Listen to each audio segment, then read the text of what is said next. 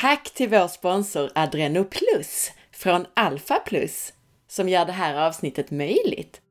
Adreno Plus är en unik kombination av adaptogena örter och näringsämnen som är viktiga för din energinivå.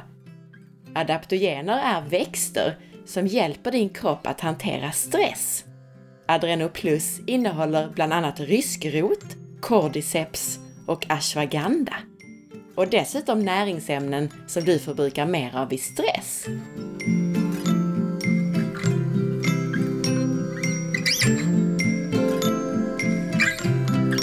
Välkommen till For Health med Anna Sparre! Idag ska vi prata med Kristoffer Edlund, en av västvärldens enda läkare som är utbildad till ayurvedisk läkare i Indien. Dels ska vi reda ut lite kring vad ayurveda faktiskt är, men du får också tips på hur du konkret balanserar dig och kommer till rätta med saker som sömnproblem, magbesvär och hudåkommor. Lär dig mer om dig själv idag och din kroppstyp och hur du kan arbeta med din hälsa utifrån dina förutsättningar. Om du gillar den här intervjun så glöm inte att dela med dig av den på Facebook. Dela gärna inlägget om podden på facebook.com forhealth.se och gå gärna in och lämna en recension av podcasten i din podcastapp. Du kan också boka mig som föreläsare till ditt företag eller event. Och om du är nyfiken efter avsnittet så hittar du som vanligt mer information på forhealth.se. Vi går direkt till Kristoffer så ska han själv få berätta lite mer om vem han är under intervjuns gång.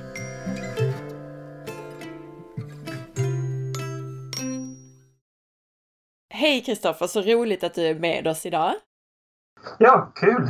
Det ska bli kul att prata lite om ayurveda. Och jag vill börja med att fråga om just ayurveda. Om någon bara hört begreppet nämnas men aldrig fattat vad det är. Går det att kort förklara för denna person? Eh, I, I, Sverige så brukar jag föredra om jag kallar det för ayurvedisk medicin.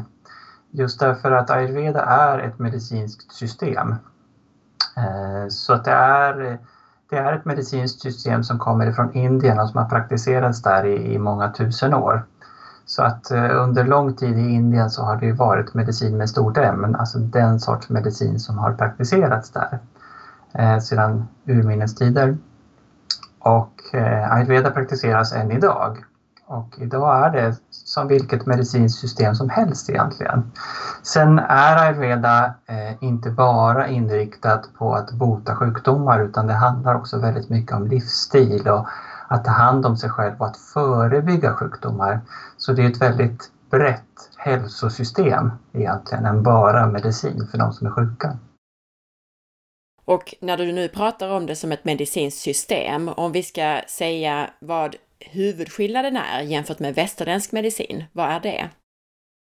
Ja, det är svårt att säga. Det är många skillnader såklart. Det här är ju ett traditionellt medicinsystem som är utvecklat för väldigt länge sedan och det färgar ju lite grann vilka metoder man använder och lite grann den världsbild som man har.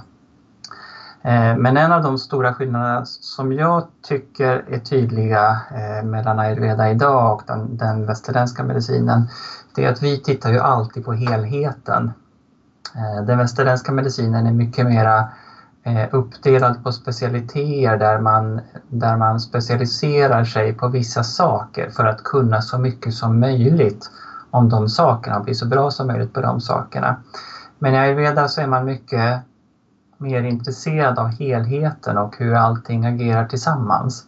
Och det påverkar också eh, hur man lägger upp behandling och också hur man ser på sjukdom. Du är själv ayurvedisk läkare. Vad innebär det? Eh, I Indien så finns det fem olika medicinska system som är godkända av den indiska staten. Och för att inte vem som helst ska kunna sätta upp en klinik och säga att jag är läkare så finns det ju alltså då läkarutbildningar i alla de här olika systemen som är eh, där utbildningen är bestämd av den indiska staten och där det finns en viss examen som man ska gå igenom för att få kalla sig läkare. Men det finns alltså fem medicinska system i Indien, inte bara ett som det finns här.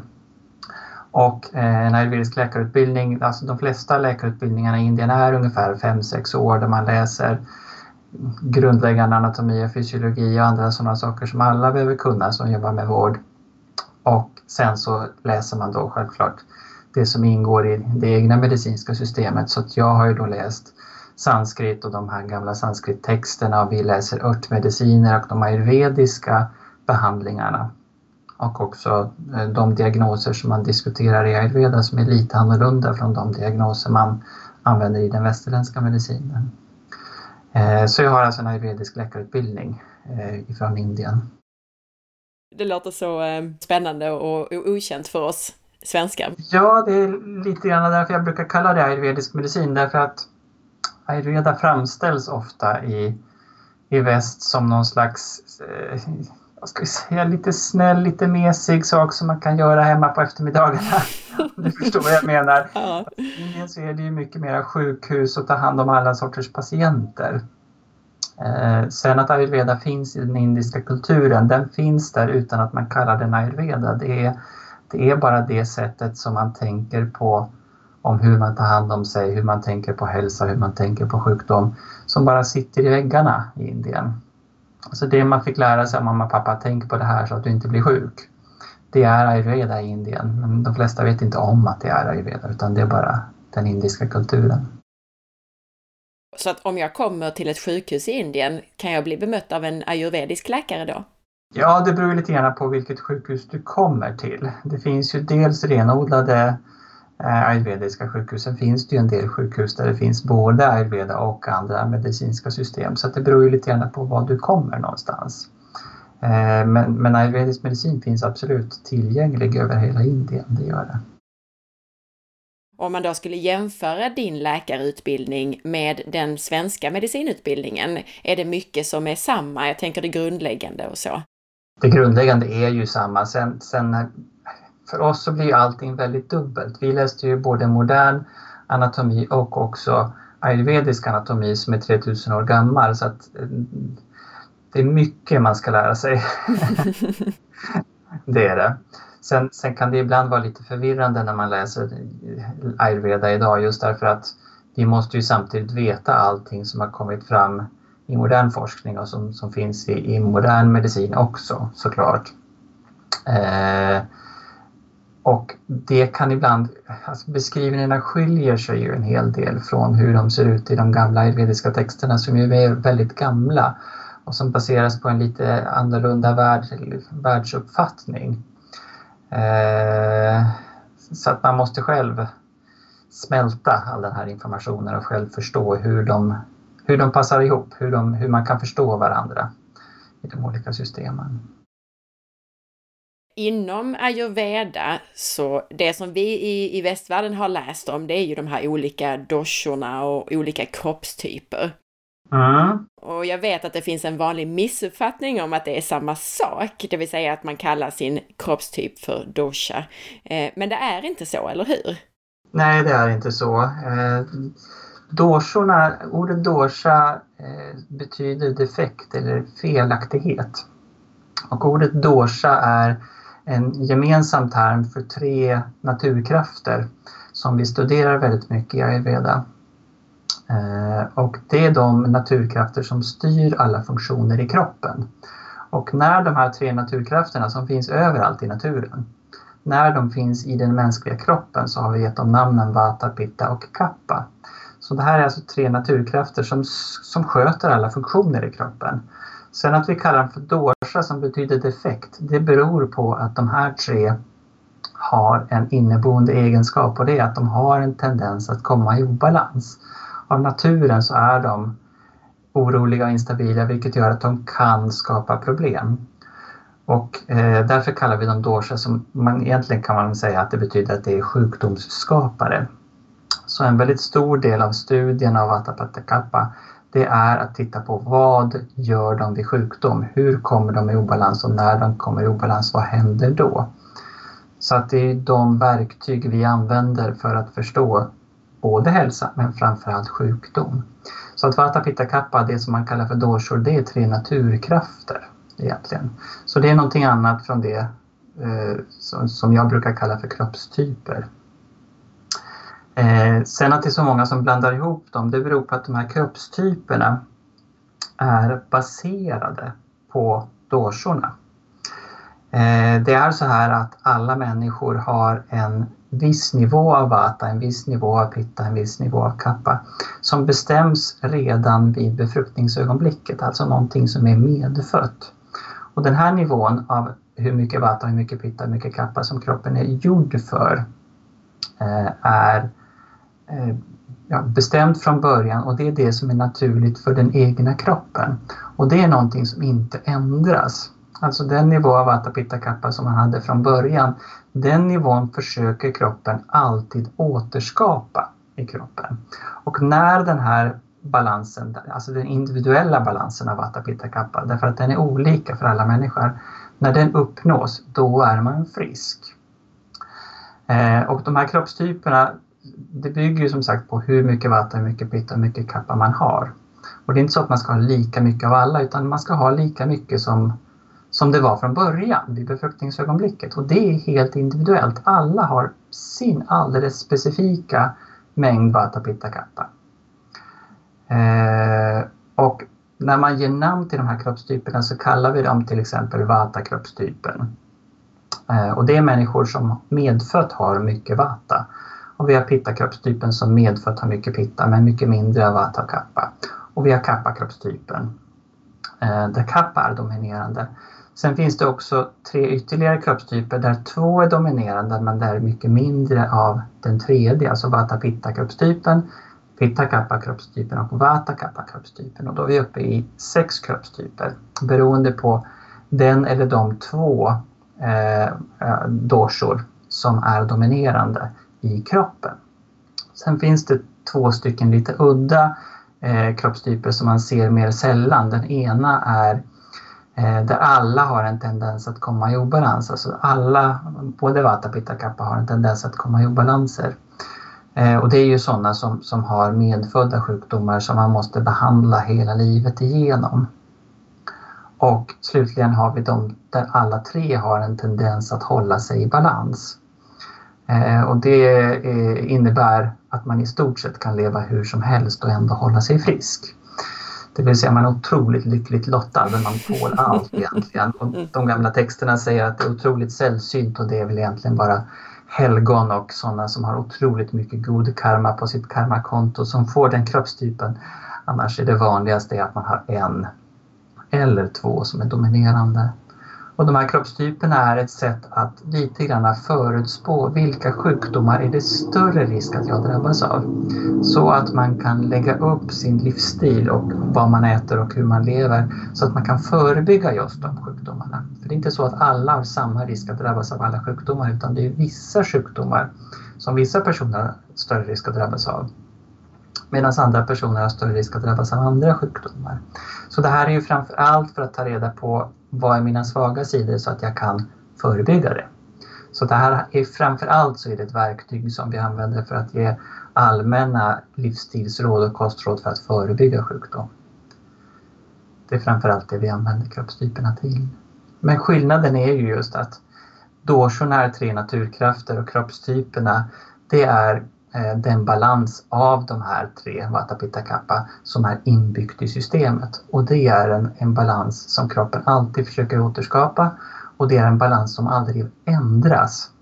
Utan det är någonting som bestäms från början och som man lever med hela livet. Så för att konkretisera det du säger här så skulle jag alltså kunna vara född med en kroppstyp som är dominant i, i pitta. Mm. Men sen kan jag ha Eh, den här doshan, vata, kan bli väldigt dominant i mig ändå, mm. så att mm. jag kommer i obalans. Är det det du säger? Det kan vi göra. Om vi, om vi tar ett exempel, en person som, är, som har mycket pitta från början. Sannolikheten att den här personen får en pitta-obalans är större än att man får en vata eller kappa-obalans. Men det är absolut inte omöjligt. Utan vem som helst kan få en vata-obalans, vem som helst kan få en pitta eller kappa-obalans. Men det här att, att man är en pitta-person till exempel, det innebär att risken är större för en pitta-obalans. Och oavsett vilken sjukdom man får, när man blir sjuk så uttrycker den sig gärna på ett sätt som är typiskt för pitta. Eh, men, men, vem som helst kan få vilken, vilken obalans som helst. Bara man lever eller utsätts för en viss sorts påverkan så kan man få vilken sjukdom som helst.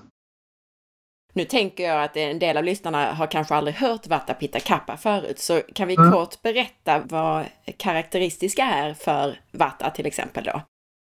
Eh, om vi tittar på doshorna så Vata är eh, rent naturligt så är det den kraft som gör att man håller sig pigg, alert, eh, ja, igång egentligen kan man väl säga. Eh, det är, jag brukar säga så här, Vata är rörelse, transport, dynamik.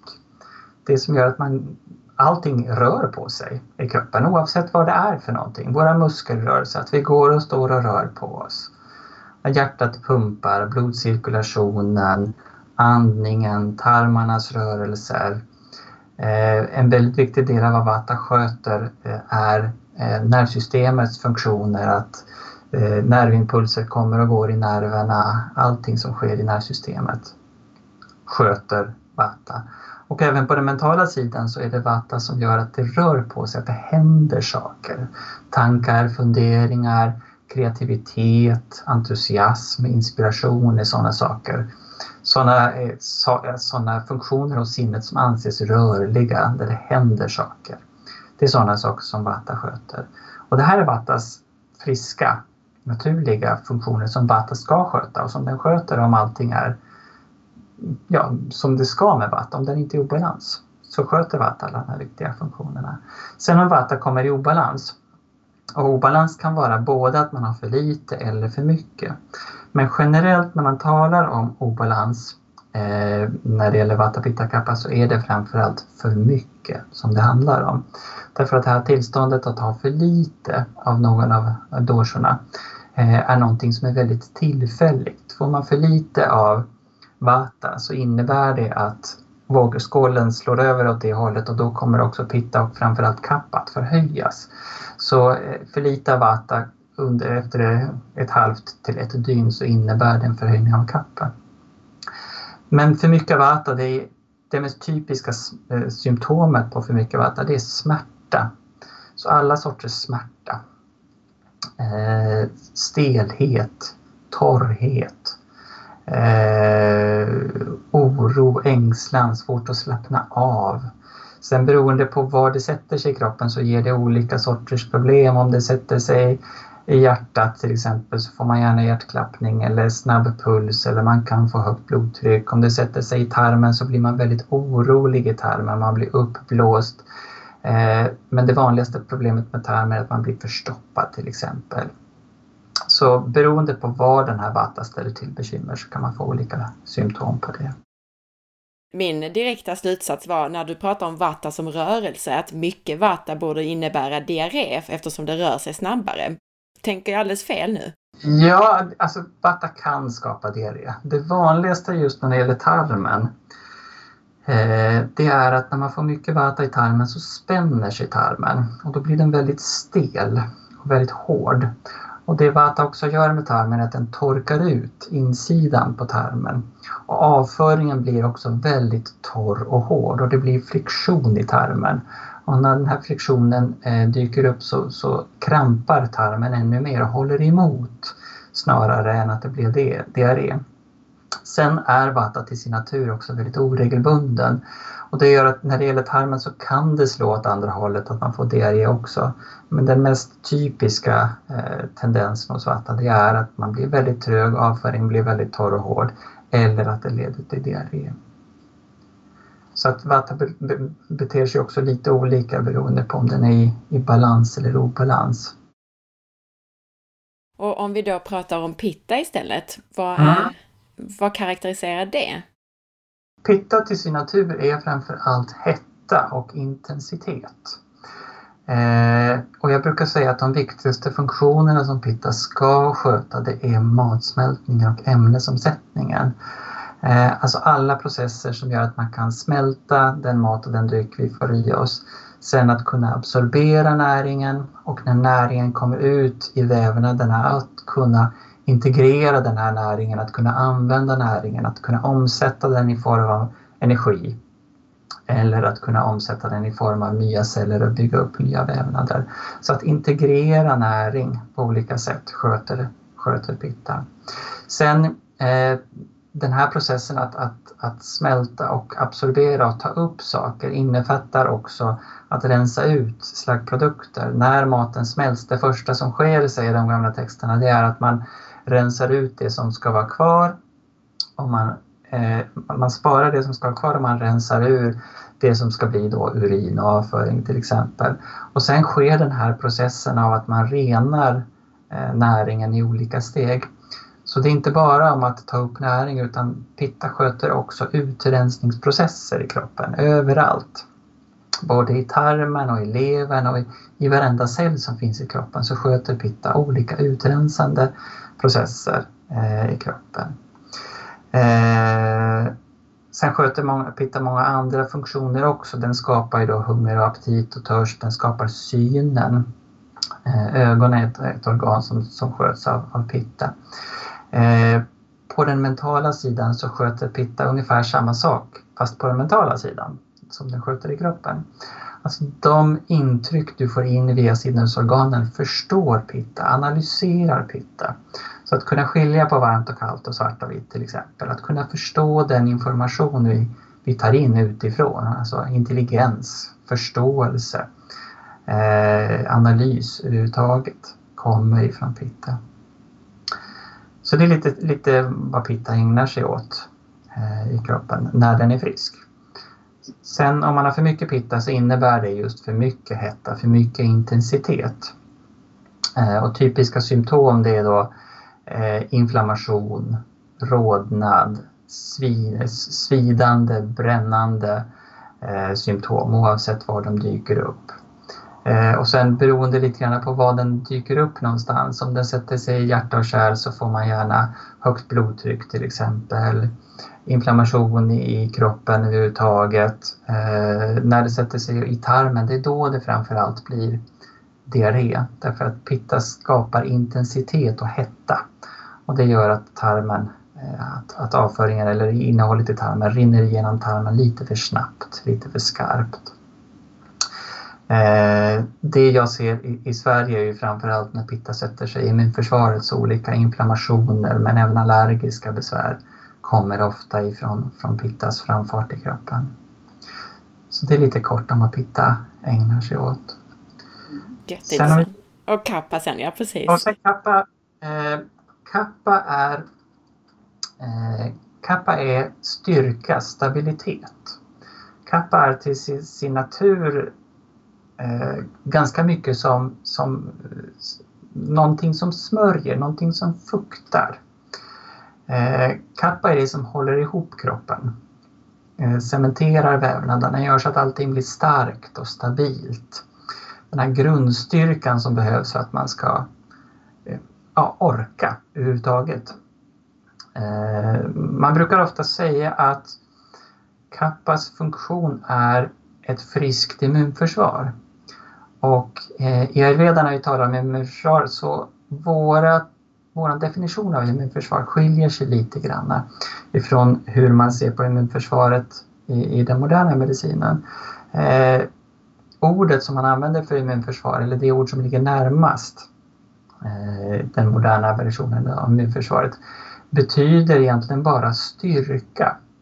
Så kappa är den grundstyrka, den grundstabilitet som gör att man kan stå emot bland annat infektioner.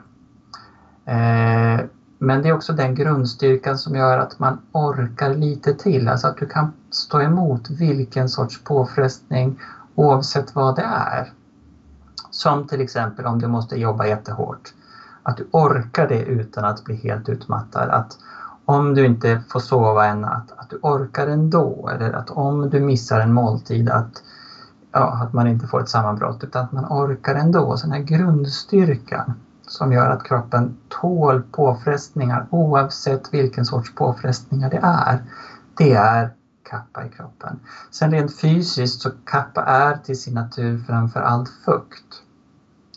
Eh, den fukt som ska smörja, Eh, skapa elasticitet, svalka, stå emot eh, stötar till exempel. Den fukt som finns i i, i tarmen för att det ska kunna röra på sig. Den fukt som måste finnas i musklerna för att de inte ska bli hårda och stela utan att de ska hålla sig elastiska och mjuka. Den fukt som finns i lederna för att de ska kunna röra på sig. Den fukt som, som finns i, eh, i huden och i slemhinnorna för att de ska hålla sig mjuka och elastiska. Eh, så att all fukt, oavsett var den dyker upp i kroppen, är kappa. Sen om man tittar på, på den mentala sidan, så precis som Vata och Pitta så har också Kappa mentala funktioner. Och Kappas funktion är framför allt stabilitet. Stabilitet, lugn, vila. Eh, för Vata och Pittas funktioner i sinnet är ju aktiviteter där det händer och rör på sig. Och, och eh, ja, där, det gör, där det i värsta fall kan då skapa kaos om det blir för mycket av den här aktiviteten som både Vata och Pitta ägnar sig åt. Så kappa är den stabilitet som behövs i sinnet för att det just inte ska bli kaos, där det ska vara lugn. Eh, så man brukar säga att de typiska funktioner i sinnet som tillhör kappa det är minnet och koncentration. Som kräver just lugn och stabilitet för att de ska kunna, kunna ske i sinnet. Eh, så alla de här tre har både kroppsliga och även mentala påverkan på, på oss. Sen kappa, när kappa kommer i obalans, det vill säga när man får för mycket kappa. Kappa är ju som sagt framför allt fukt. Eh, så det mest typiska för kappa det är svullnader, vätskeansamlingar men framförallt så är det slem, framförallt i luftvägarna, alltså förkylningar och astma och sådana saker kommer ifrån från kappa. Sen det här som jag nämnde att kappa brukar man säga är immunförsvaret. Det här att kappas funktion är ju att vi ska vara starka. Eh, men också att vi ska ha energireserver att stå oss. Just det här att kappa ska vara den här styrkan som att om du inte får äta i tid, att du ändå orkar lite till. Eh, och det innebär att kappa, vad den gör i kroppen är att se till att det finns näringsreserver hela tiden. Så eh, den negativa sidan av det är att när du har mycket kappa väldigt länge så samlar kroppen på sig för stora reserver och så går man upp i vikt och så blir man överviktig. Så övervikt och de, de hälsoproblem som, som kommer av att man är, är överviktig är framförallt kappa-relaterade enligt ayurveda. Så det är lite kort om vad kappa gör. Och jag kan inte hjälpa, men jag drar lite paralleller, särskilt när du berättar om den här mentala biten av de olika, så låter det lite grann som kappa är väldigt kopplat till, om man pratar signalsubstanser, GABA till exempel, medan pitta och vata kanske är lite mer dopamin, adrenalin. Är jag ute och reser eller kan man dra sådana kopplingar? Jo, det är klart man skulle kunna jämföra det. Jag, jag är inte personligen så är jag inte riktigt så förtjust i den sortens eh, liksom tydliga referenser och säga att vata är det här och pitta är det där. Men jag förstår vad du menar. Alltså, kappa är ju det som skapar, som gör att man kan sova till exempel, som gör att du kan gå ner i varv. Eh, och som man behöver just för sömn och för avslappning. Medan vata är ju framför allt det som gör att man känner sig pigg och alert och igång och orkar och har lust. Så att de har ju, visst man skulle kunna se moderna mots motsvarigheter också, absolut. Men hur vet jag vilken kroppstyp jag är eller är född med?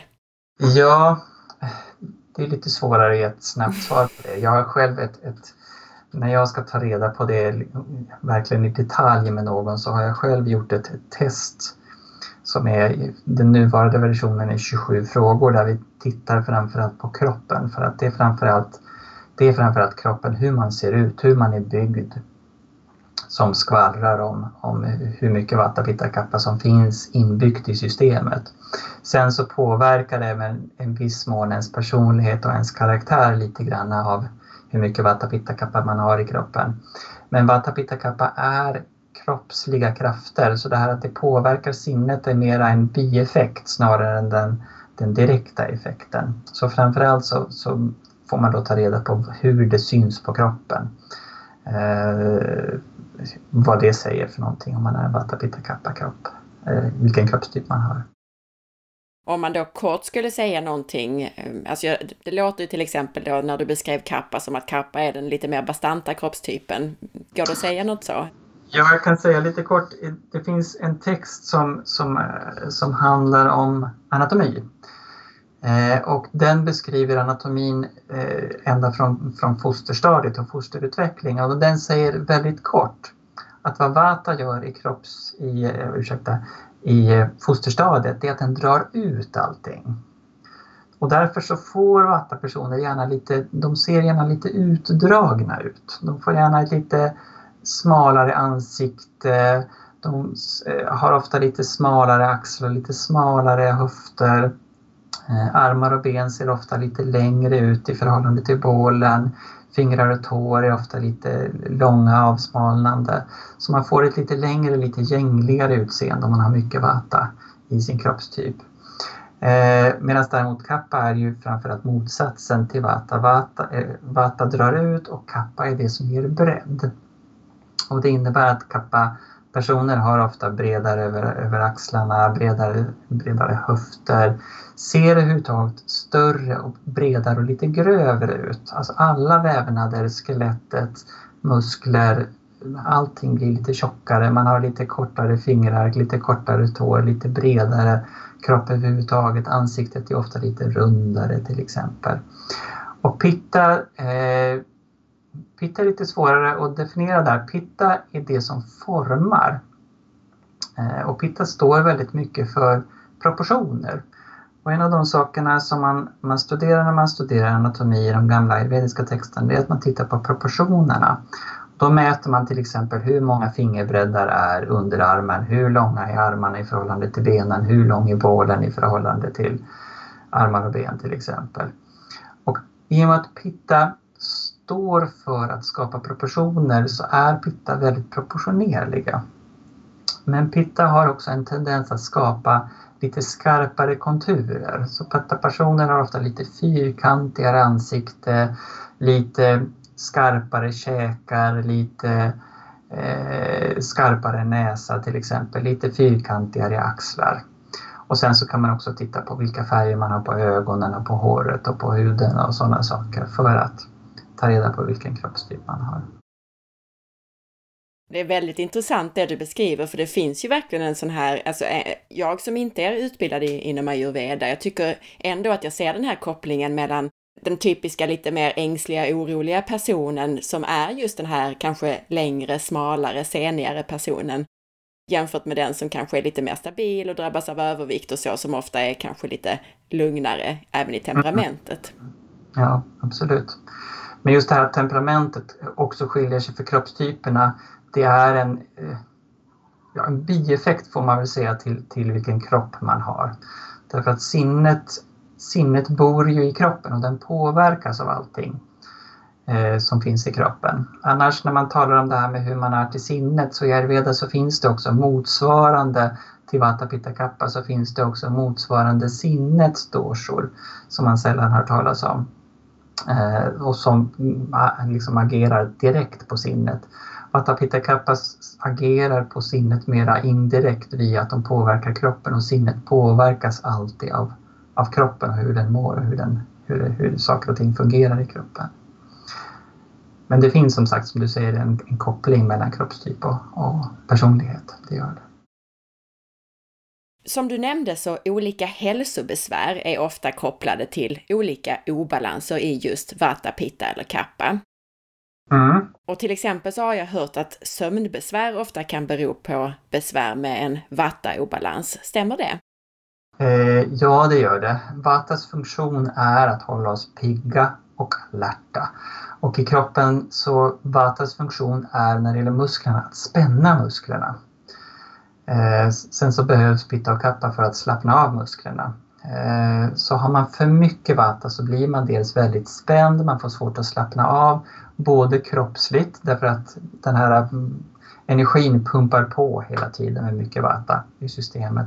Men även mentalt, man får svårt att sluta tänka på kvällen. Man, man är väldigt aktiv både kroppsligt och mentalt. Och det gör att det blir svårt att sova. Både kroppen och sinnet är på högvarv när man har för mycket vata.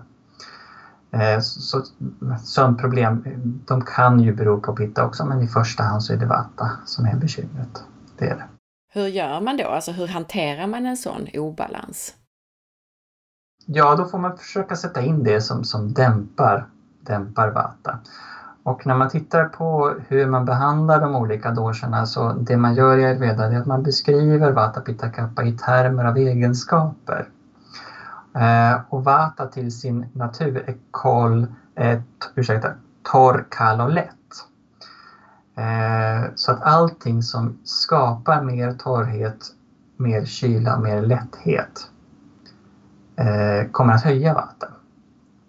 Medan däremot motsatsen eh, värme, tyngd och oljighet eller fukt kommer att dämpa Vata.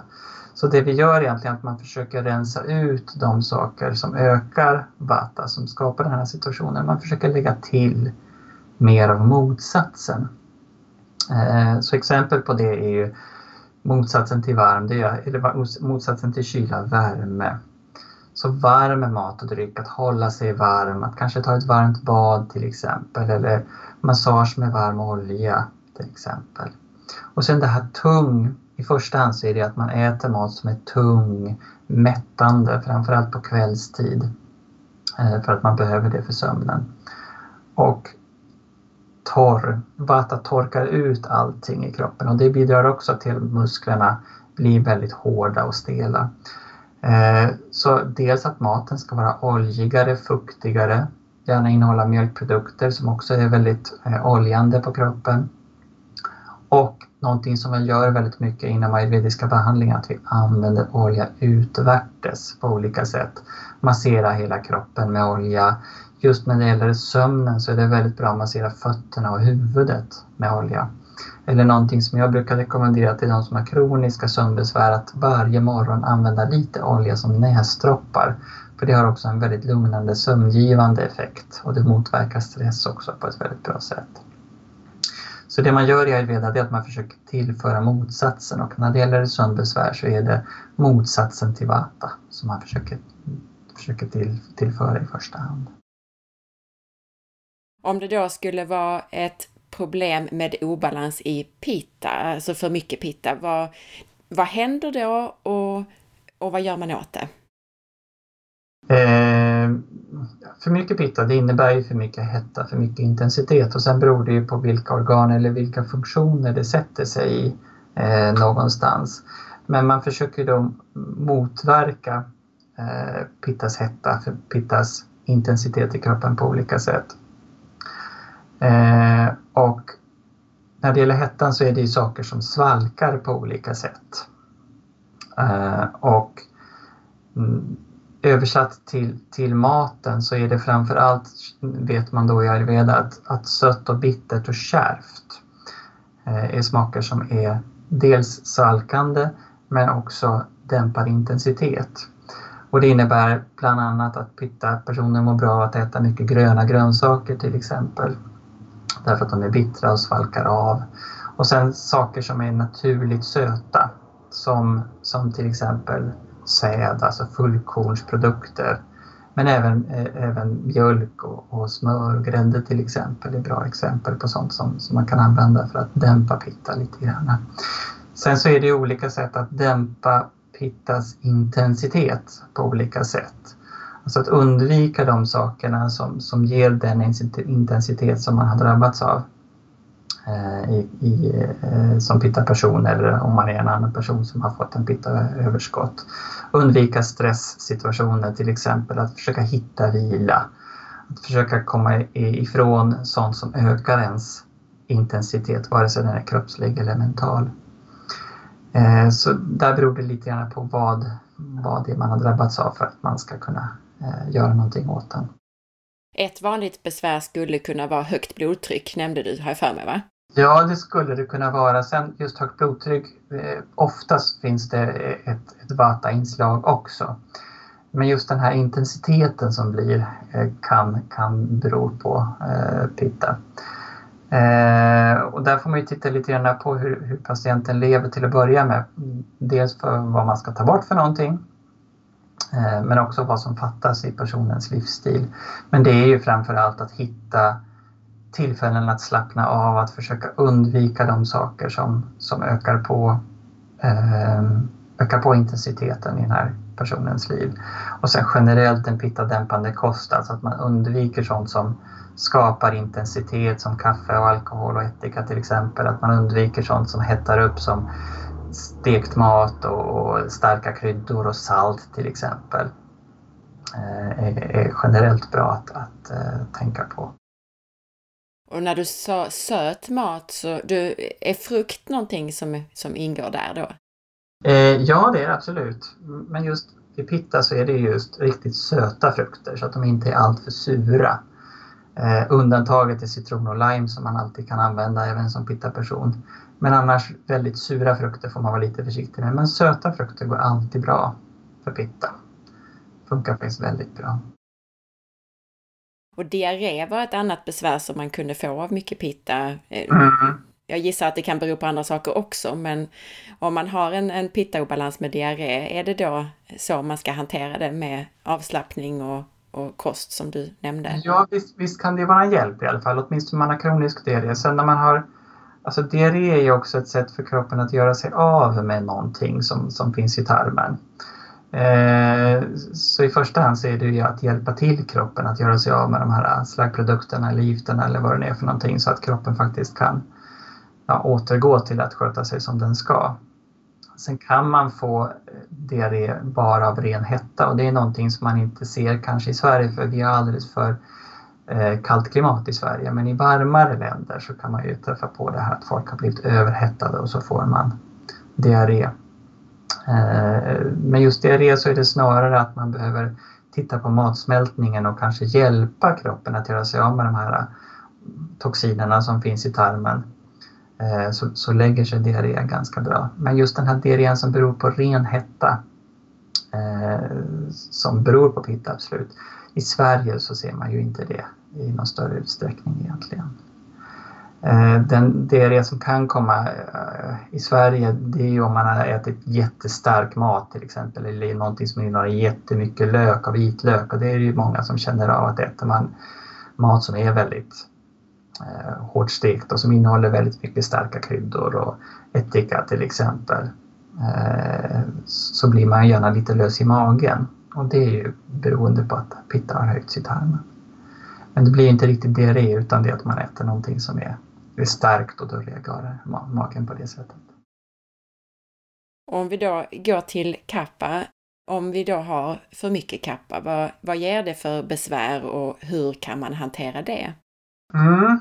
Det jag ser mest av det är ju att kappa tar sig i luftvägarna, alltså förkylningar, problem med slem, eh, astma, andningsbesvär. Men kappa kan ju också som sagt ge eh, övervikt, svullnader generellt eller på specifika ställen i kroppen. Eh, så att olika sätt att dämpa fukt i kroppen Eh, också olika sätt att öka på eh, just det gäller övervikt, att man ökar på energikonsumtionen i kroppen, alltså aktiverande, stimulerande saker.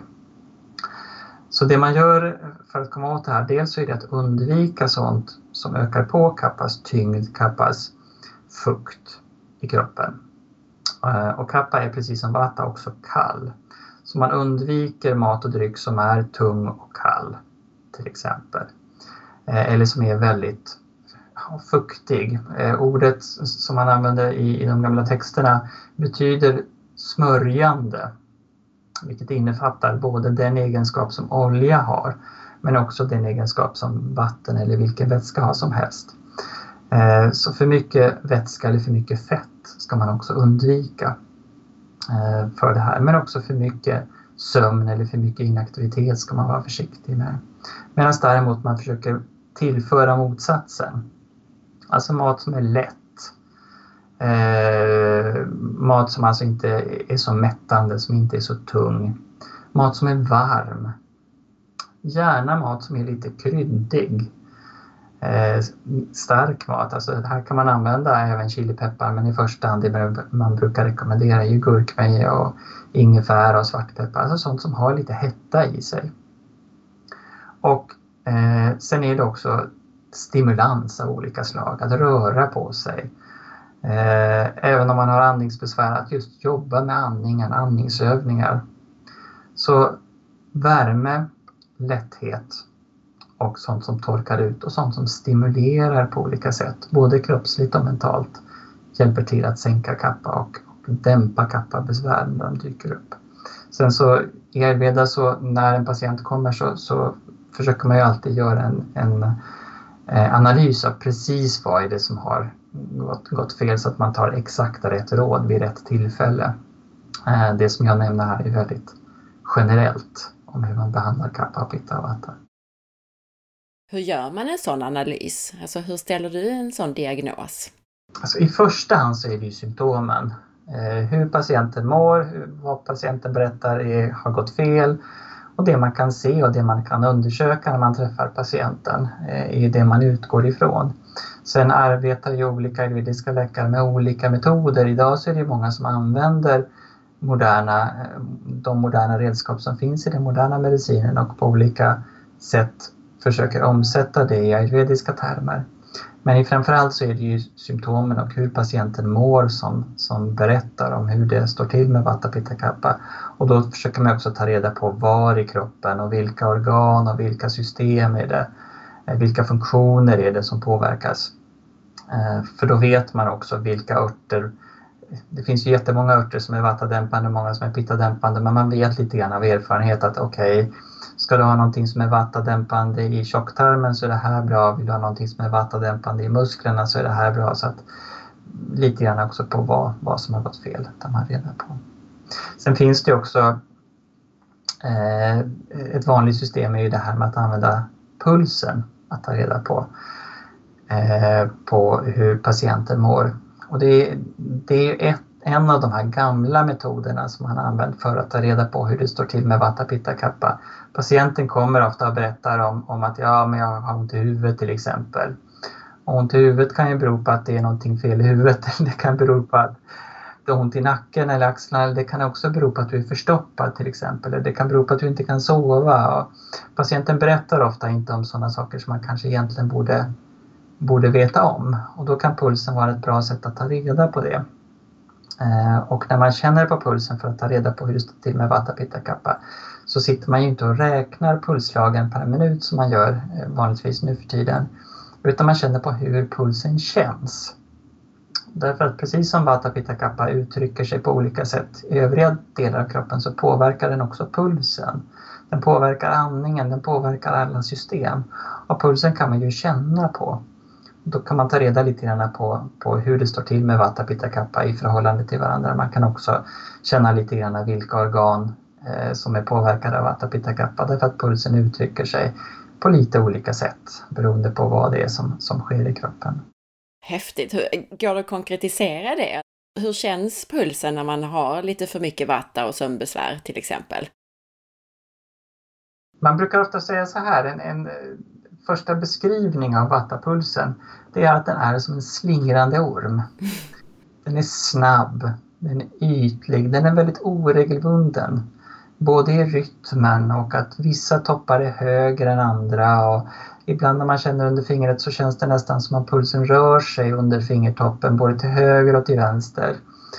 Eh, så lite kortfattat är det så som, som pulsen dyker upp. Den är också för det mesta ganska snabb till exempel. Sen pittapulsen, eh, man brukar börja med att säga att det är som en hoppande groda. Det vill säga det är starka intensiva slag eh, som man känner och sen så är pitta varm. Så man, eh, pitta-personer känns, eller de som har mycket pitta känns ofta varma när man känner på, på handleden. Men också när man känner på pulsen så känns rent fysiskt varmt överhuvudtaget. Sen är pittapulsen för det mesta tämligen regelbunden men den måste inte vara helt regelbunden. Medan däremot vattapulsen är för det mesta ganska oregelbunden på olika sätt. Och kappapulsen brukar man säga att den, den känns som en simmande svan. Alltså den är, den är långsam, den är tung. När man känner den under fingertopparna så är den väldigt bred. Den känns under hela fingertoppen. Inte som Pitta Vata och framförallt Vata som är väldigt pickande, som är väldigt smal. Eh, så regelbunden, långsam, tung. Eh, ungefär som, vad ska vi säga, som, som vågor på olja lite grann. Långsamma, tröga pulsslag känner man. Och de är sällan jättestarka heller. Jag har alltid reflekterat över hur mycket snabbare och lättare min puls är än eh, pappan då till min son. Hans, hans puls är långsam och den hörs nästan i hela rummet känns det som. Den är tung, precis som du beskriver. Mm. Alla system i kroppen som har en rytm hänger ihop på olika sätt.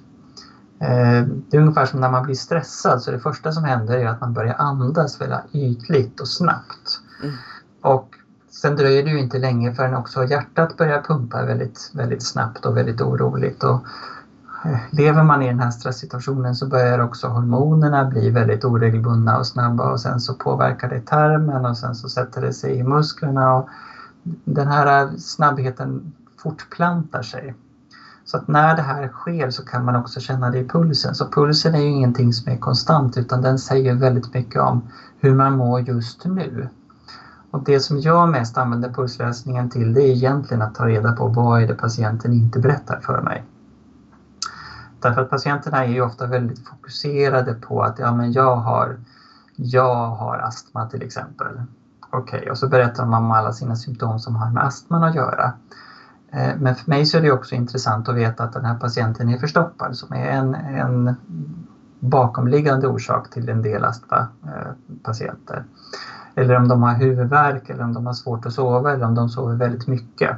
Så kan man ju då se i pulsen, är det vata, är det eh, en astmapatient som har mycket vata eller som har mycket pitta eller som mycket, mycket kappa så kan man börja luska och fråga om sådana saker som patienten spontant inte berättar om. Inte så att de försöker hemlighålla någonting men de, de tror inte att det spelar någon roll. Eh, men det kan vara bra att veta vad som sker i, i kroppen i övrigt också därför att då kan man ge bättre råd som, som ger mer effektivitet. Och det här med var pulsen känns, alltså känner du på pulsen på olika ställen? Till exempel om den känns mer på handleden eller halsen eller det var kanske inte alls så du menade? Eh, jag har träffat på eh, ska se, tre eller fyra olika system att känna pulsen på.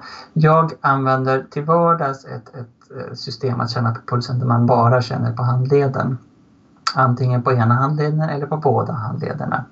Sen finns det ett system som är ganska populärt, och speciellt i södra Indien, där man känner på pulsen på ja, sju eller åtta olika ställen på kroppen. Och då jämför man väldigt mycket eh, hur pulsen känns på olika ställen. Men även när man bara känner på handleden så beroende på hur pulsen slår, man, man känner alltid med tre fingrar, beroende på hur den slår i förhållande till varandra under de tre olika fingrarna så kan man lite grann luska ut eh, hur det står till med de olika organen och var Vata Pitta skapar problemen. Jag vet att du ofta arbetar med personer med mag och tarmbesvär. Ja. I, I din erfarenhet, vad är de vanligaste obalanserna hos de här personerna? Ja, vad är de vanligaste problemen? Alltså de som verkligen kommer till mig för att de har mag och tarmbesvär, de har ju ofta fått en eller flera diagnoser. Eh, förr i tiden var det ofta IBS och nu för tiden så är det ofta Crohns som läkarna eh, ger diagnoser. Eh, att det är väldigt olika. De flesta har de här. De är svullna i magen, de har ont i magen. Antingen så har de diarré eller så är de förstoppade eller så har de båda problemen. Eh, så beroende på hur länge man har haft det så, så allt från enkla besvär till total kaos eh, i tarmen dyker upp. Sen att, att det är så många som har problem med mag och tarm idag, det beror ju framförallt på stress. Det finns ingenting som dämpar matsmältningen så mycket som stress. Och ur, ur ett ayurvediskt perspektiv, när man får problem med tarmen, är egentligen ett tecken på att du inte kan smälta det du äter. Och det kan ju bero på att du äter en massa mat som, du inte, som din mage inte mår bra av. Men de flesta äter ganska normal mat och får ändå dåliga ändå problem med magen. Det beror framförallt på att stress dämpar matsmältningen så mycket. Och om man då inte anpassar kosten så att den blir väldigt lättsmält när man är stressad, ja, då får man problem med tarmen. Så för, för vad det nu är, 14-15 år sedan när jag flyttade tillbaks till Sverige från Indien så, så satte jag ihop något papper med generella var snäll mot magen-råd. som jag egentligen hade tänkt dela ut bara till de här som har kroniska mag och tarmbesvär. Men idag så delar jag ut dem till alla jag träffar. Just därför att det är så vanligt med mag och tarmbesvär. Det är många patienter som kommer till mig som, som egentligen har tänkt prata om någonting annat och sen börjar jag fråga hur har du det med magen? Kan du gå på toaletten varje dag? De säger ja visst kan jag det, en gång i veckan åtminstone. det är alldeles för lite för att man ska må bra. Mm. Så när man skrapar på ytan så är det väldigt många idag som har problem med magen. Och det påverkar hälsan i hela kroppen. I ayurveda är vi väldigt fixerade vid, vid matsmältning och näring. I egentligen alla sammanhang så pratar vi om matsmältning och näring. Så eh, ja, sen att det kommer så många med mag och tarmbesvär till mig, det är väl helt enkelt därför att jag eh, jag är van vid att jobba med det. Jag tror det är många som har hört talas om att, de har, att många blivit bättre när de har träffat mig och sen så har bara ryktet gått och sen har jag fått ta emot alla dem. Sen så, så vet jag av erfarenhet att många av dem som har fått de här kroniska eh, tarmdiagnoserna är att läkarna ger dem mediciner men de får inga kostråd. Eh, eller så har de fått gå till en dietist som har gett dem någon slags allmänna generella kostråd. Så när de provar dem så visar det sig att det går ju inte att äta det här. Så det de flesta kommer till mig för att fråga det är vad ska jag äta för någonting? Så vi brukar i stort sett bara prata om mat när jag träffar de här patienterna. Och då är det faktiskt mindre vad man ska äta utan mer hur man ska laga maten egentligen. Därför att det är matlagningen som gör maten lättsmält. Och har man problem med matsmältningen så måste man äta lättsmält mat tills dess att tarmen har blivit starkare. Då kan man utmana den lite, lite mera. Eh, men så länge man inte kan smälta maten så måste man anpassa kosten till, till vad magen faktiskt klarar av. Så det betyder egentligen att, att det här att du behöver dela ut de här råden till alla beror på att alla är så stressade att i stort sett alla har något problem med matsmältningen? Eh, det är väldigt vanligt i alla fall, det är det. Sen eh, i Sverige så har vi inte den här kulturen att, att tänka på hur mår magen. Vi, vi bryr oss inte så jättemycket om den. Vi förväntar oss att magen ska vara klara av allting. Och just det här som jag kan träffa många patienter, i ayurveda så säger man att man ska kunna gå på toaletten en eller två gånger på varje dag. Både mer eller mindre anses onormalt. Och jag träffar ju på många patienter, att, att, som sagt, många patienter jag träffat som tycker att det är helt normalt att gå var fjärde dag. Eller som tycker att det är helt normalt att gå och ha avföring fem gånger om dagen. Eller som tycker att lite magknip, det har man väl efter man har ätit. Och det är inte normalt. Och eh, problem med mag och tarm det kan ge många andra hälsoproblem också. För just det här att, att du får problem i magen när du har ätit till exempel, eller att du inte kan sköta dina, dina tarmvanor som du ska. Det innebär dels att du inte tar upp näringen som du ska, hur det du får i dig. Men det innebär också att många slaggprodukter som borde rensas ut under matsmältningen och ämnesomsättningen stannar kvar i kroppen. Och det kan också ge olika hälsoproblem så det är väldigt viktigt att ta hand om sin, sin, sin tarm. Och vi har liksom inte det, det tänket. Vi, vi lär oss inte det från, från vi är små att hur är det med magen och ska du verkligen äta det där om du, om du mår sådär? Och i Indien så är det där ayurveda kommer ifrån så är det mycket mer en del av kulturen. Eh, jag brukar ofta nämna att, att redan innan jag gick på, på eh, ayurveda college så satt jag ofta med en ayurvedisk läkare när han satt på öppetmottagningen där han jobbade eh, tidigt på morgonen. Och eh, varje morgon, kanske 10-15 procent av patienterna, det enda problem de led av det var att de hade inte kunnat gå på toaletten i morse. Mm. Och det låter ju inte som någonting som man går till läkare med. Men i Indien så, så har man liksom lärt sig det här av mamma och farmor och allihopa ända sedan man är jätteliten att du måste kunna, magen måste må bra. Annars kan du bli sjuk. Och det är lite grann det ayurveda anser, att det är väldigt viktigt att tarmen fungerar. Och när den inte fungerar så kan det ge olika, ja egentligen vilka hälsoproblem som helst. Så därför måste man vara uppmärksam på sin tarm. I ayurveda brukar man säga att det första du ska göra på morgonen det är att känna efter. Har gårdagens mat smälts ordentligt? Känner jag mig fräsch i kroppen? Efter man har varit på toaletten känner man sig lätt. Ja, dels i hela kroppen men framförallt i tarmen. Känner man sig fräsch? Har man aptit? Så att man inte bara liksom, ja ah, men nu är det dags att äta, nu är det dags att göra det. Utan man, man lyssnar på magen. Och det finns inte i vår kultur och därför så är det många som kör över sin mage och så får de tarmbesvär. Men den största orsaken är ju framförallt stress, absolut.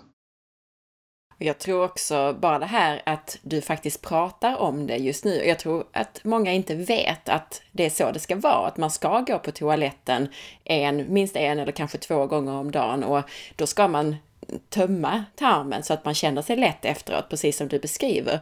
Det är ingenting man pratar, alltså, vi pratar ju aldrig avföring i Sverige. Nej, det gör vi inte. Och eh, jag pratar med det om alla mina patienter. Mm. Alla får berätta hur det är med tarmen. Och folk blir väldigt förvånade. Det är liksom, varför vill du veta det här och det här? Och många vet inte ens hur det är min avföring egentligen. De tänker inte på det. Men för, för mig så är det ganska viktigt därför att det säger ju då dels hur mycket slaggprodukter som kanske har dröjt sig kvar i kroppen och också hur det står med näringsstatus i kroppen därför att en dålig tarm innebär att det kommer att finnas vissa närings, näringsbrister i systemet någonstans. Men är det någonting som man pratar mer om i Indien, alltså som man lär sig från sin mamma eller farmor, att oh, ja. så här ska det vara, så här ska bajset se ut? det ingår verkligen i kulturen. Verkligen, det gör det. Vad bra. Och som jag nämnde, alltså, det finns ingenting som dämpar matsmältningen så mycket som stress. Och vem stressar inte för mycket idag i vårt samhälle? Eller bara det här att vi utsätter oss för för mycket aktiviteter och för mycket intryck. För mycket mental aktivitet det dämpar matsmältningen väldigt mycket och sen så såklart det som många också slarvar med. Det finns ingen som förbättrar matsmältningen så mycket som motion. Så för lite motion, för mycket stress är det som dödar våra matsmältningar. Sen är det klart att det är många som äter skräp också men faktiskt stress och motion är viktigare faktorer på de här kostråden som du delar ut till de här personerna eh, och du pratade då om, om framförallt om tillagningen. Vad är det viktigaste man ska tänka på när det gäller maten och tillagningen? Eh, det viktigaste är att man ska just lära känna sin tarm. Alltså att du ska äta så mycket och den sorts mat som din tarm klarar av att smälta. Eh, och det är just där som bland annat det här med stress och motion kommer in. Om du stressar mycket så kan du inte smälta lika mycket. Eh, och det innebär dels att du måste äta lite mindre och när det gäller tillagningen, du måste laga maten mer. Alltså mjukkokt, genomkokt, varmt. Man kan också använda vissa, vissa kryddor för att stimulera matsmältningen och då beror det lite grann på vilka symptom man har, vilka kryddor specifikt som är mest effektiva. Men kryddor som stimulerar och just att maten är genomkokt, varm, mjuk, tillagad gör att den blir mer lättsmält. Medan däremot en person som, som inte stressar lika mycket och någon som motionerar jättemycket, den personen behöver ju mycket mer mat. Och på grund av den livsstilen så får de också mycket bättre aptit och mycket bättre matsmältningskapacitet. Så då kan man och också bör man äta tyngre och mer mat. Så man måste anpassa efter, efter hur man mår. Eh, men just som sagt, tillagad mat. Därför så vet jag att det här är inte så jättetrendigt, men vi pratar just om... Jag, jag sitter ju ofta och rekommenderar gammaldags husmanskost. Alltså mjukkokt potatis, mjukkokta grönsaker. Därför att det är lättsmält. Övrig mat som är mer svårsmält, om du har den kapaciteten att smälta den, då är den bra. Men om du inte har den kapaciteten, då är den inte bra. Om vi då går över till nästa kategori patienter. Jag har fått för mig att du också arbetar en hel del med verk. Stämmer det? Ja, absolut. Eh, det gör jag. Och det gör väl egentligen alla i verk är ju en, en sån sak som det ofta är svårt att, att komma åt. Eh, även i den västerländska medicinen. Värktabletter är ju bara symptomdämpande utan då gäller det att hitta den, den ursprungliga orsaken till vad som, som skapar verken. Sen finns det ju väldigt många värkpatienter där det är svårt att bota verken och det innebär ju att de kommer till mig Därför att till ayurveda och alternativmedicinen kommer man ofta först när man har träffat fem och tio läkare. Så att det kommer många värkpatienter till mig, det gör det. Du nämnde verk. Var det i samband med, med eh, obalans i vatta som du nämnde? Smärta kommer från obalans i vatta men det innebär inte att all verk eh, kommer, alltså att grundorsaken är vatta. Men när en sjukdom har kommit till det stadium att den skapar smärta, så själva smärtan kommer ifrån vata. Så även om själva grundorsaken är mer pitta-relaterad eller kappa-relaterad så har det dykt upp smärta så finns det ett visst mått av vata där också. Så det innebär att även pitta och kappa besvär som eh, när de har blivit tillräckligt allvarliga uttrycker sig i smärta så måste man också behandla vata också för att komma åt smärtan. Mm. Sen är ju inte, alltså smärta är ju inte en sjukdom utan det är ju, det är ju en symptom så det kan ju dyka upp på väldigt många olika ställen så där beror det ju verkligen på ja, vad är det som har gått fel. Så där får man ju verkligen nysta och ta reda på exakt var det gör ont och hur det gör ont och hur länge det har gjort ont och vad är det som hände innan dess och sådana saker. En annan kategori patienter som tar till eh, sista halmstrået, höll jag på att säga, som, som söker sig efter att ha testat eh, tio läkare, det är ju ofta utbrända personer. I din erfarenhet, för de som kommer till dig och som är utbrända, vad är de vanligaste obalanserna hos de här personerna? Själva utbrändheten i sig är ett vattenrelaterat problem. Eh, alla de här symptomen som dyker upp är i stort sett vattenrelaterade. Sen om vi tittar på kroppstyperna så är det nästan alltid pitta-personer som bränner ut sig. Och det innebär att för det mesta så får man också prata en del om, om pitta, pitta-besvär också. Men själva sjukdomen är vattenrelaterad så att egentligen hela paketet med allt som kan dämpa vata är det man får jobba med. Så vatadämpande kost, vatadämpande livsstil, vatadämpande behandlingar, vatadämpande örter är, det vi sätter in då. Blir inte det lite motsägelsefullt om man ska jobba både med att dämpa pitta och vata, tänker jag, med kosten? För du sa att det, det ena är kall kost och det andra är varm kost till exempel. Mm.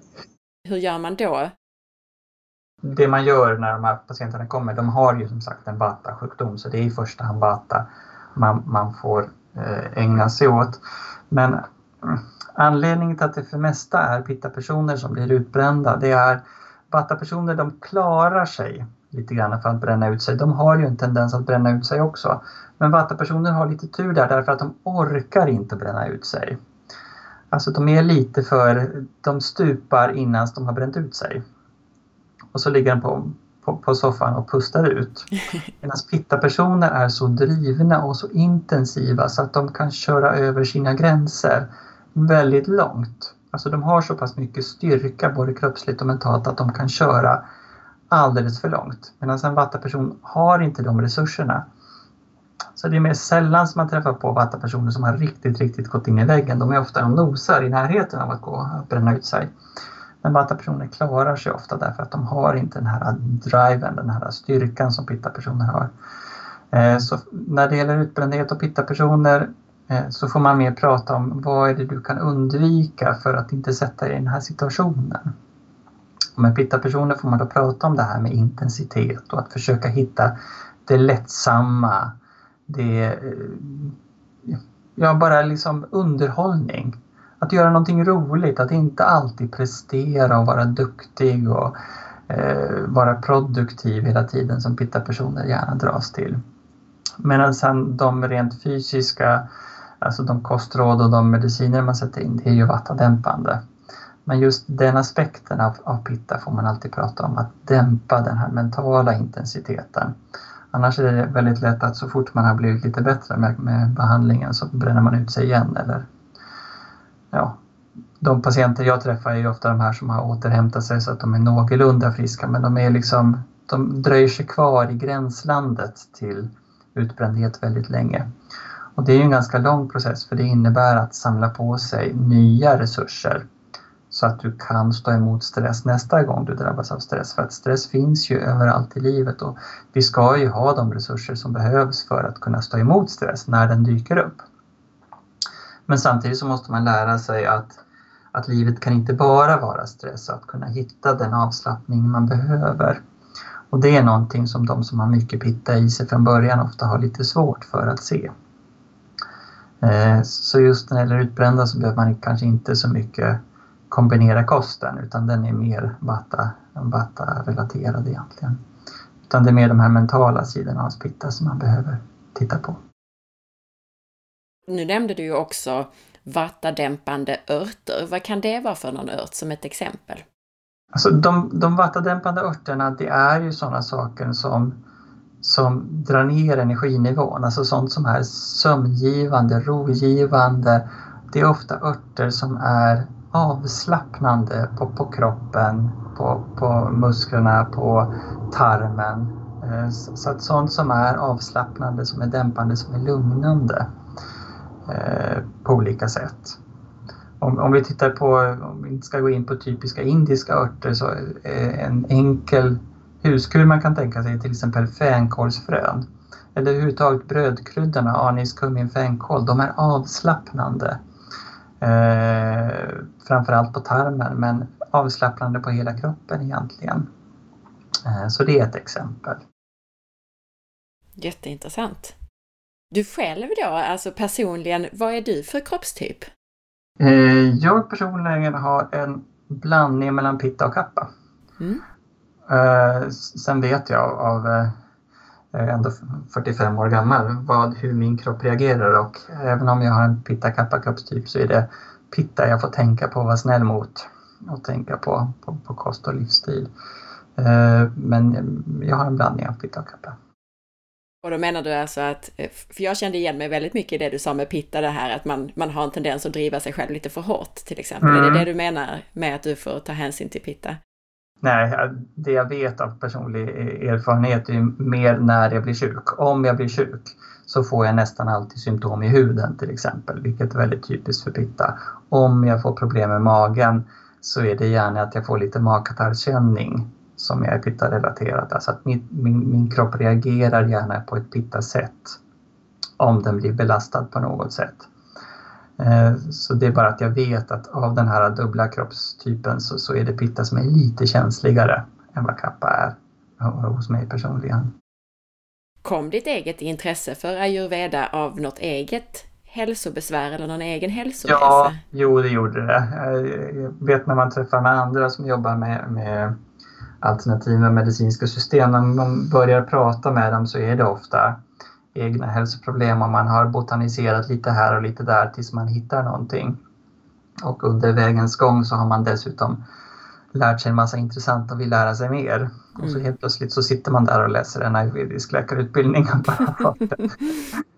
Men visst, alltså det är ju, jag hade ju botaniserat i många olika system och hittade ayurveda bara under mitt eget sökande av att ta hand om min egen hälsa. Så är det. Och så är det ofta när man jobbar med alternativmedicin. Man har hittat dit, den personliga vägen.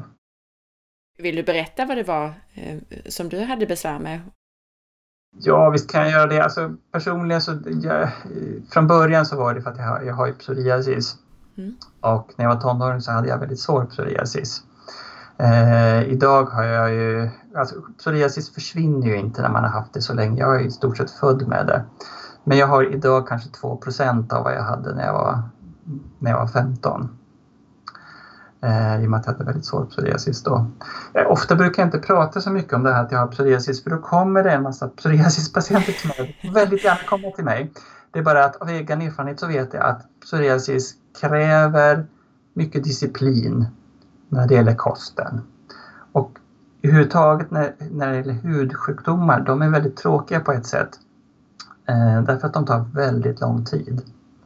Speciellt sådana här kroniska besvär, alltså man får hålla på i evigheter innan det händer någonting. Och jag själv, jag höll ju på säkert ett halvår och verkligen späkte mig själv och liksom otroligt disciplinerad kost och massa olika saker i säkert ett halvår och det hände ju ingenting och sen bara från en dag till andra så var det rena miraklet. Men man måste ofta ha mycket tålamod och tyvärr så måste man också ha ganska mycket man måste vara ganska motiverad för att det ska funka någonting på just psoriasis. För att det är en sjukdom som sitter väldigt djupt i vävnaderna och som är svårt att göra någonting åt. Och sen att det är eh, i stort sett omöjligt att bli av med den permanent man kan bli symptomfri men själva sjukdomsprocessen finns kvar där och det beror på att just det är en sjukdom där både vata, eller både, där alla tre, där vata, pitta och kappa är i obalans. Och sjukdomar som, har, som ligger i det läget är, jag ska inte säga omöjliga att bota, men i stort sett omöjliga att bota. Eh, alltså bota permanent. Men som, som sagt kan man om, man om man lägger i tillräckligt mycket bli symptomfri, men det kräver ofta väldigt mycket.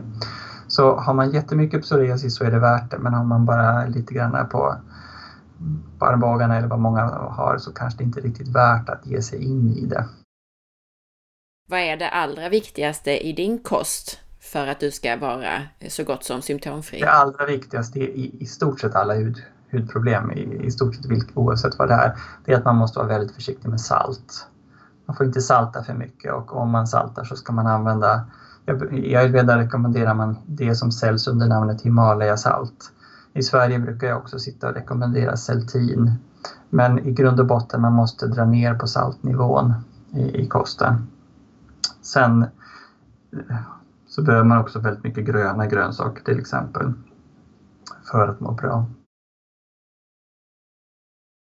Årstiderna och klimatet påverkar också vår hälsa. Mm, det gör det. Till exempel så får man ju influensa och vinterkräksjuka på vinterhalvåret. Mm. Och i ayurveda så anpassar man sin kost och livsstil för att undvika just de här årstidsbundna sjukdomarna. Ja.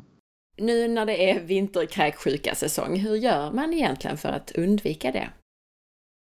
Eh, alltså vinterkräksjuka, åtminstone om man tittar ur ett ayurvediskt perspektiv så är det som du säger, det är vintern. Framförallt är det den senare delen av vintern och också när vintern lite långsamt börjar gå över till vår som, som de här besvären dyker upp. Vinterkräksjukan och många förkylningar och det som sen kommer efteråt, alla sådana här astma och allergiska besvär är ju framförallt eh, kapparelaterade.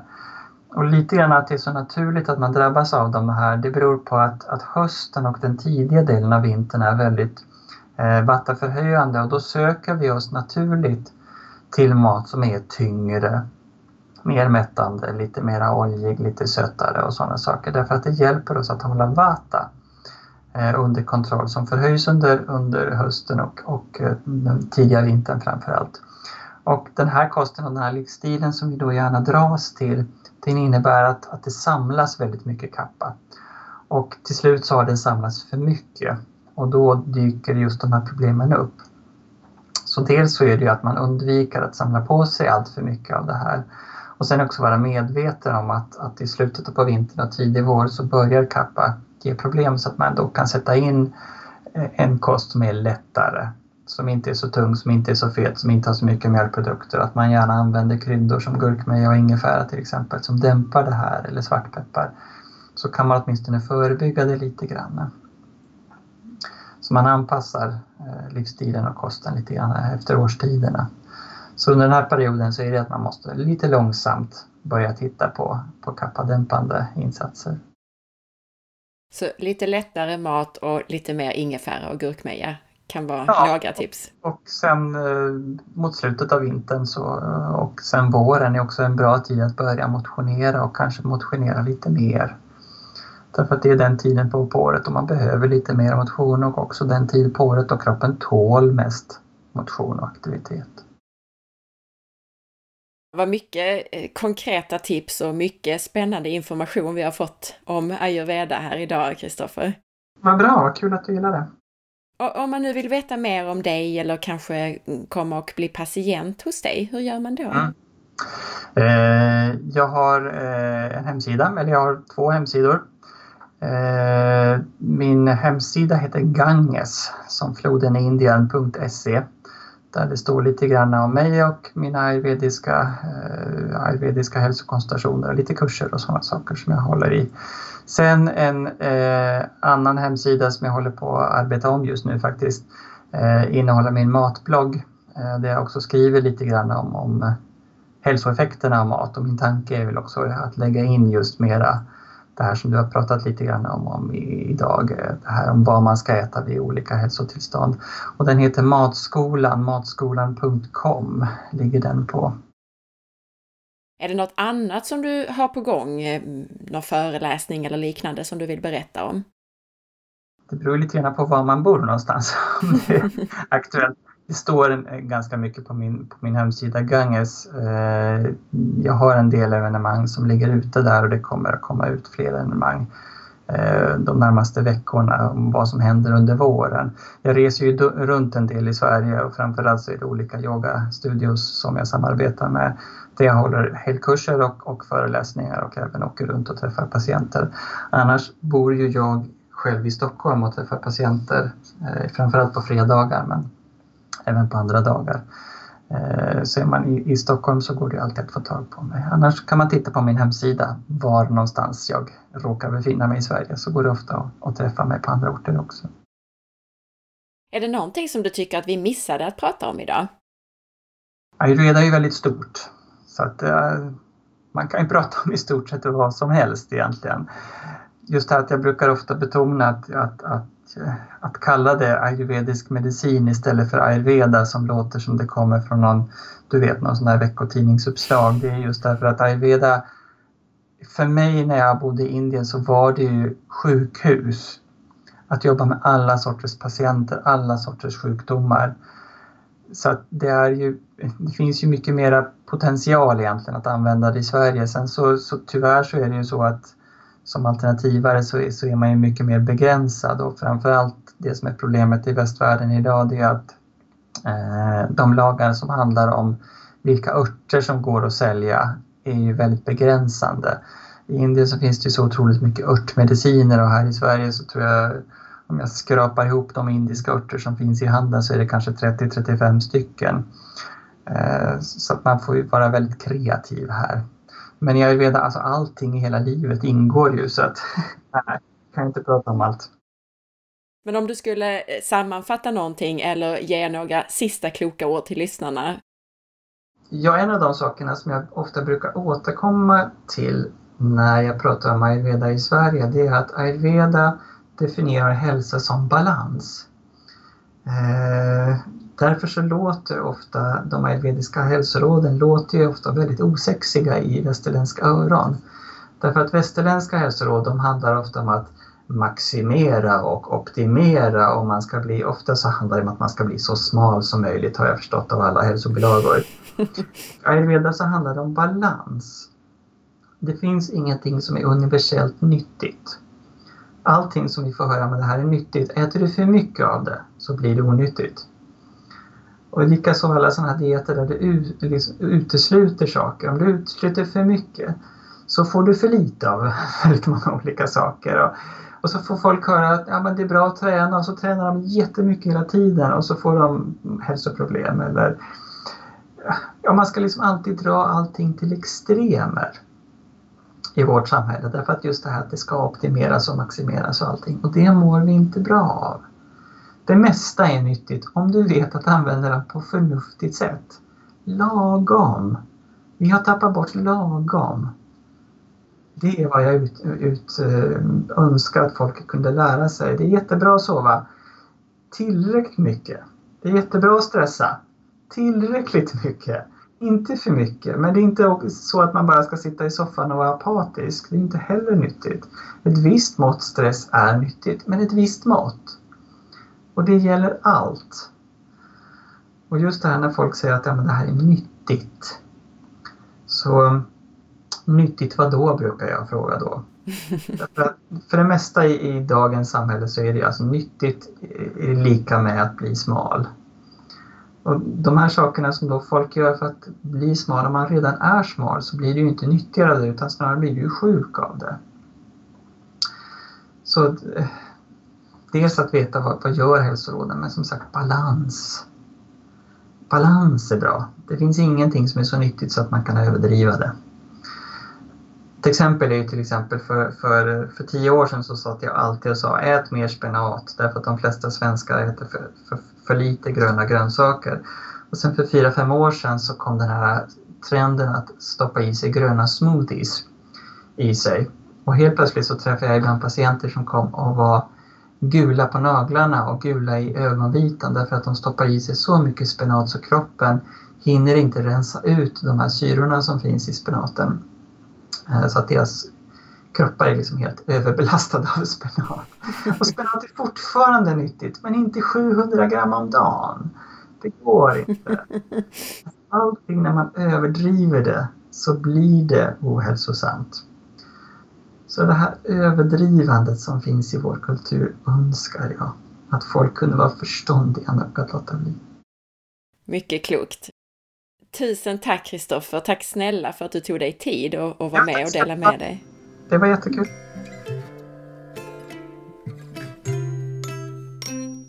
Tack för att du lyssnade! Jag hoppas att du gillade den här intervjun. Gjorde du det, så dela med dig av avsnittet. Dela på Facebook, tipsa en vän och sprid så att fler får ta del av det. Gör också gärna som Ulrika Videll som har lämnat sin recension i iTunes. Jag blir så himla glad för alla recensioner. Ulrika skriver Hälsolektion i toppklass. Anna tar upp ytterst intressanta ämnen och förklarar på en lagom djup nivå.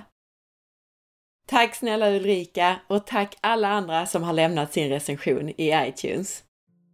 Missa inte att följa med på facebook.com forhealth.se där du kan hitta avsnittsinformationen till det här avsnittet som du kan dela och där du varje dag hittar länkar till nya hälsotips och annat. Följ också mig på Instagram via signaturen asparre och titta in på bloggen på forhealth.se. Ha nu en fantastisk dag så hörs vi snart igen. Hejdå!